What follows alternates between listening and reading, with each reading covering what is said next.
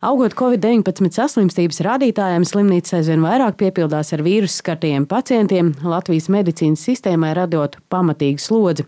Slimnīcās brīvo gultas vietu skaits te jau aizpildīts, bet lielākās bažas rada darba roku trūkums.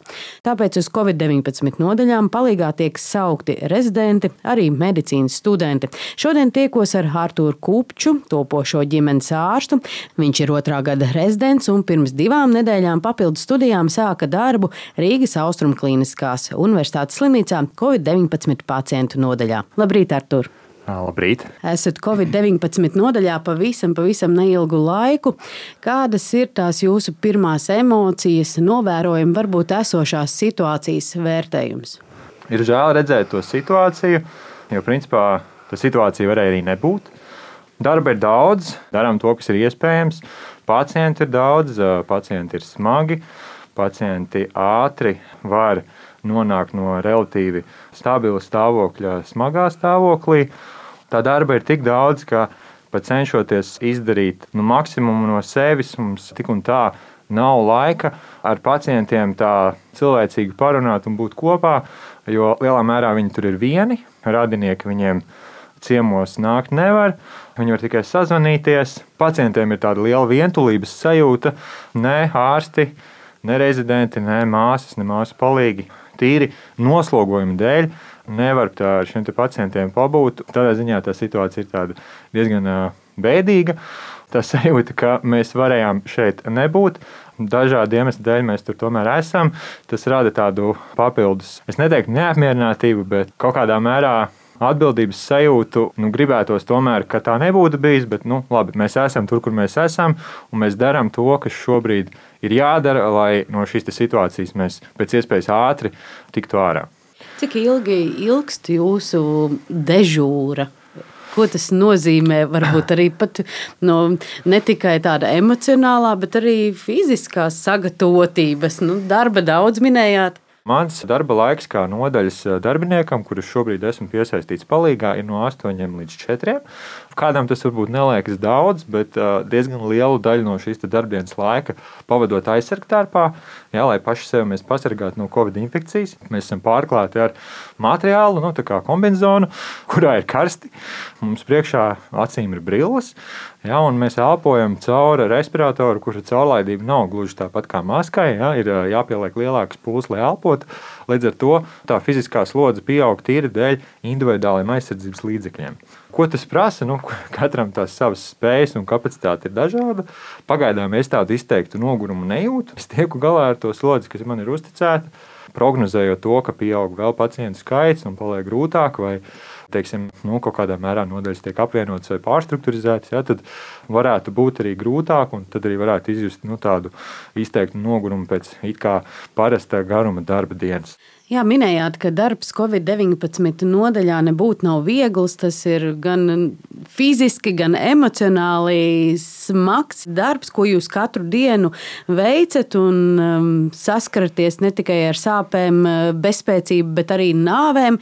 Ko jūs mudinātu? Kā ik katrs varētu palīdzēt eh, šajā grūtajā laikā? Galvenais ierocis ir vakcīna, medikamenti. Kaut kādā mērā tie darbojas, bet tie nav ne tuvu tik efektīvi, kāda ir vakcīna. Galvenais, ko šobrīd Latvijas iedzīvotāji var darīt, ja kāds vēl nav savakcinējies, tas ir jāaiziet un jāizdara. Ja jūs jau esat savakcinējušies, bet zinat kādu, kas nav savakcinējies, tad no nu, aicinājums mudināt šos cilvēkus arī iet un savakcinēties. Jo kamēr mums nebūs šī vakcinācijas aptvere, tikmēr joprojām būs smagas matas pacienti slimnīcās, būs ierobežojumi, un mēs netiksim ar šo galā. Jā, vakcinācija tas nav nekāds brīnuma līdzeklis. Arī vakcinēti cilvēki slimo, bet pirmais moments ir tāds, ka savakcinētam cilvēkam ir iestāties šai saslimšanai varbūtība ir krietni mazāka. Nākamais tas, ka ja viņš tomēr saslims, tad šī saslimšana norit vieglāk un viņš nenonāk stacionārā ar augstu varbūtību. Ja tomēr nonāk stacionārā, ja saslimšana ir tik smaga, ka pacients ir jāstacionē, tad šī saslimšana norit ar krietni vieglāku gaitu. Un letālu iznākumu ir daudz, daudz mazāk nekā cilvēkiem, kas nav vakcinējušies. Tāpēc tas ir ļoti svarīgi izmantot šo pirmo ārstēšanas posmu, jo tā arī ir ārstēšana. Profilaks arī ir ārstēšanas metode. Aiziet, savakcinēties, pasargāt sevi, pasargāt apkārtējos cilvēkus, nedomāt tikai par sevi, par kaut kādām pāris blaknēm, kas var parādīties, bet domāt par situāciju kopumā, par saviem tuviniekiem, gan arī par tālākiem cilvēkiem. Un kopā mēs varam to apturēt, aizejot un izdarot katrs savu lietu. Slimnīcā ir ļoti daudz tie, kuri nav vakcinējušies. Tas jūsu novērojums, cilvēks saprot to savu kļūdu, to, ka to solīti vajadzēs spērt vai ne? Redziet, tad, kad pacients ir smagi slims ar covid-19, tad lielā mērā plaušās parasti ir liels iekaisums, un cilvēkam elpošana ir izteikti apgrūtināta.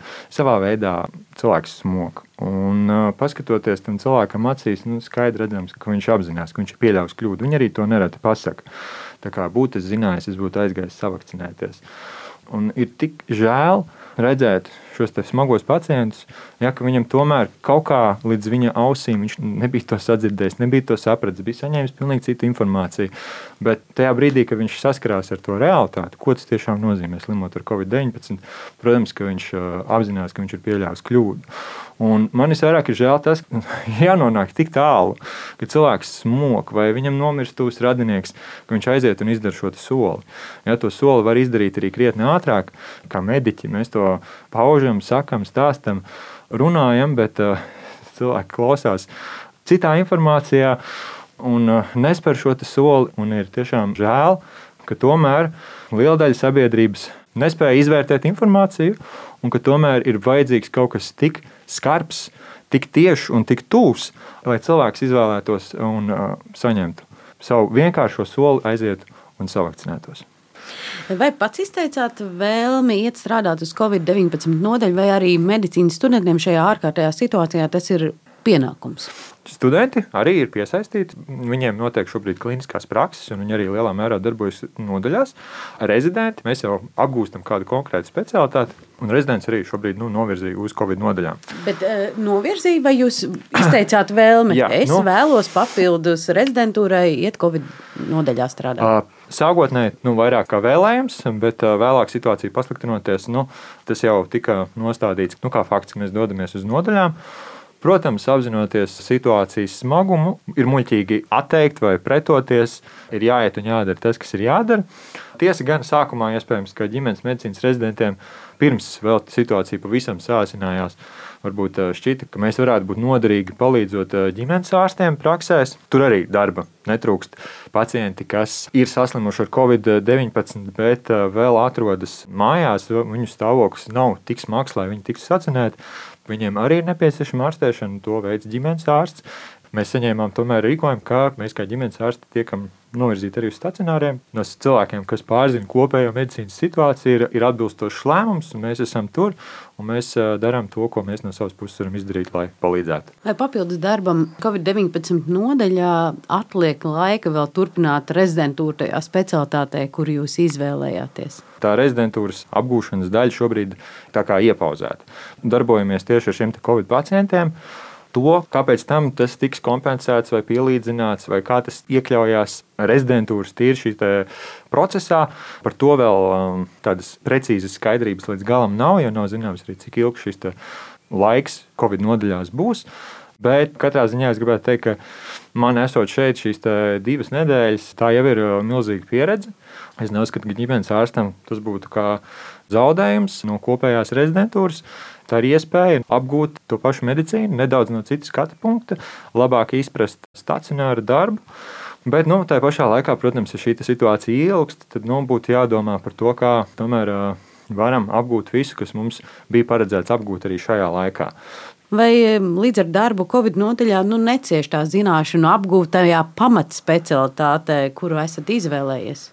Ģimenes medicīna nu, ir ļoti plaša nozare, Šis rezidentūras laiks mums ir teiktu, diezgan īss, katrs no šiem mācību cikliem, kur mēs nonākam pie konkrēta speciālitātes ārsta, lai gūtu šo ieskatu, lai zinātu, kas tieši ir jādara ģimenes ārstam, kurā brīdī pacients ir jāsūta pie speciālista. Viss šis ir ļoti svarīgi topošajam ģimenes ārstam. Tāpēc, ja mēs zaudējam to iespēju, es teiktu, jā, tas ir zaudējums, jā, bet vai mēs to zaudējam, tas vēl ir jautājums. Ceru, ka mēs radīsim kaut kādu veidu, kā pat pie šīs Covid situācijas jā, iegūt to, kas ir iegūstams no šīs pieredzes, jā, bet tajā pašā laikā nezaudēt to, ko mēs būtu apgūši laikā, ja, ja nebūtu šī Covid izplatība un mums nebūtu jāstrādā nodaļās. Atgādinu, ka uz sarunu esmu aicinājusi Artūru Kupču, topošo ģimenes ārstu, kurš sācis darbu arī Covid-19 pacientu nodaļā. Jūs esat izvēlējies būt ģimenes ārsts, un šajā pandēmijā daudz tiek runāts arī par ģimenes ārstu lomu vakcinācijā.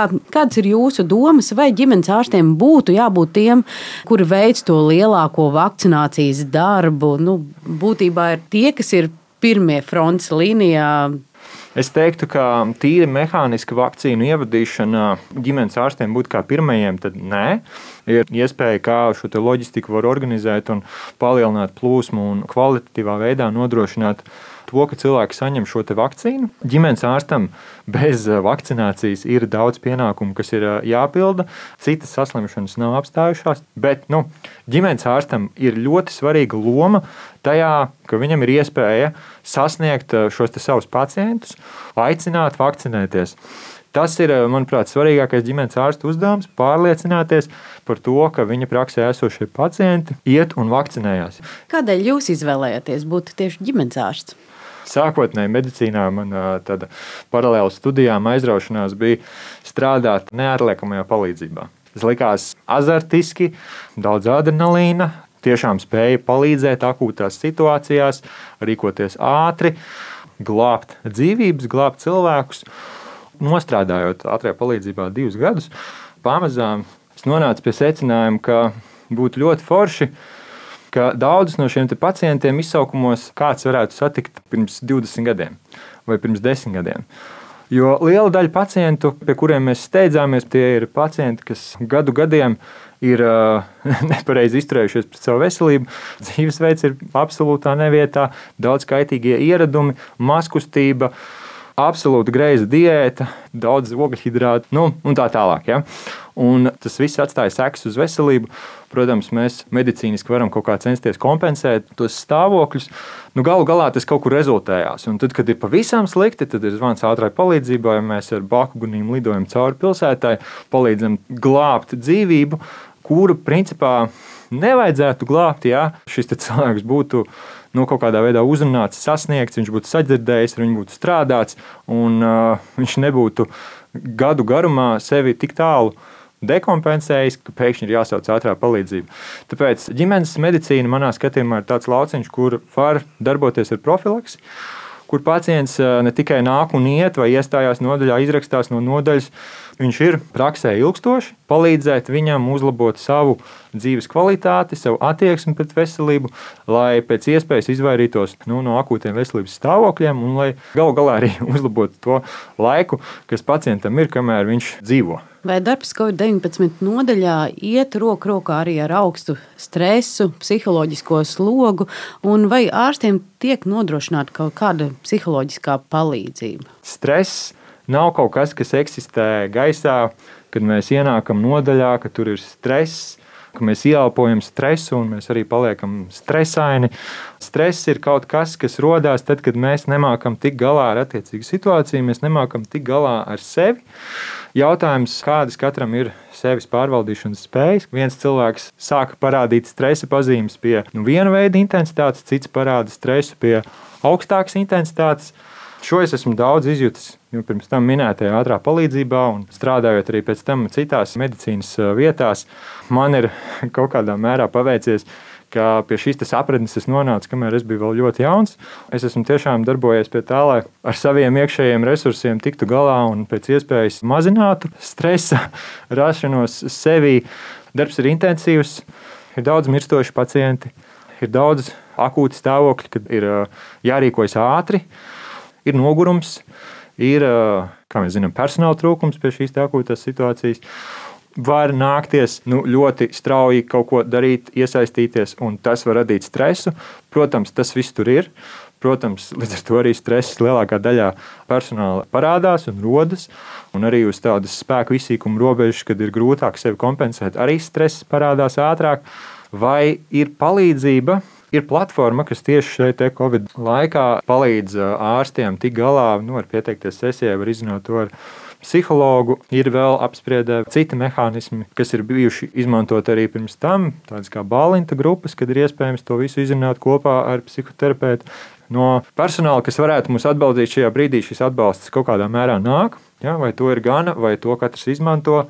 Uz to es neņemos atbildēt. Un kā jūs pats saglabājat līdzsvaru starp darbu un privāto dzīvi un mieru sevī? Kas ir jūsu tā atslēga vai nezinu, nodarbības, vai kas īpašs, ko jūs darat? Studējot medicīnu, strādājot ātrajā palīdzībā, es ātri apjaustu to, ka, lai darītu šo darbu, ir jāspēj ļoti labi tikt ar sevi galā. Pēc medicīnas fakultātes absolvēšanas es izvēlējos doties uz Indiju. Pusgadu pavadīju Indijā. Nevis vienkārši dzīvoju Indijā, bet tā bija pusgada ilgstoša programma, kur diezgan intensīvās apmācībās apguvu klasisko hatha jogu, Es godīgi varu teikt, ka tik intensīvi pavadīts laiks, kā tas notika tur, Indijā, šajās apmācībās, man nav nācies neko tik intensīvu pieredzēt vēl savā dzīvē. Tas ir bijis milzīgs pamats man, un joprojām es sakņojos tajā. Tas ir lielā mērā mans atbalsts ko es katru dienu varu izdarīt, un katru dienu varu atkāpties no visa tā, kas ir piedzīvots, un atpūsties no tā, atgūties un atjaunoties. Un otra lieta, protams, ir ģimene atbalsts mājās. Vienmēr cilvēks, ar kuru es to varu pārunāt, mana draudzene, kas arī ir mediķis, arī mana vecāka un, un māsa. Un tas viss kopumā arī rada tādu izteiktu sajūtu, ka es galīgi neesmu viens tajā visā un ka man ir verbāli, kur to visu izventilēt. Es teikšu paldies par interviju, Artur. Jā, paldies. Atgādinu, ka šodien sarunājos ar Arturu Kupču, topošo ģimenes ārstu, kurš papildus studijām sācis darbu arī Covid-19 pacientu nodaļā.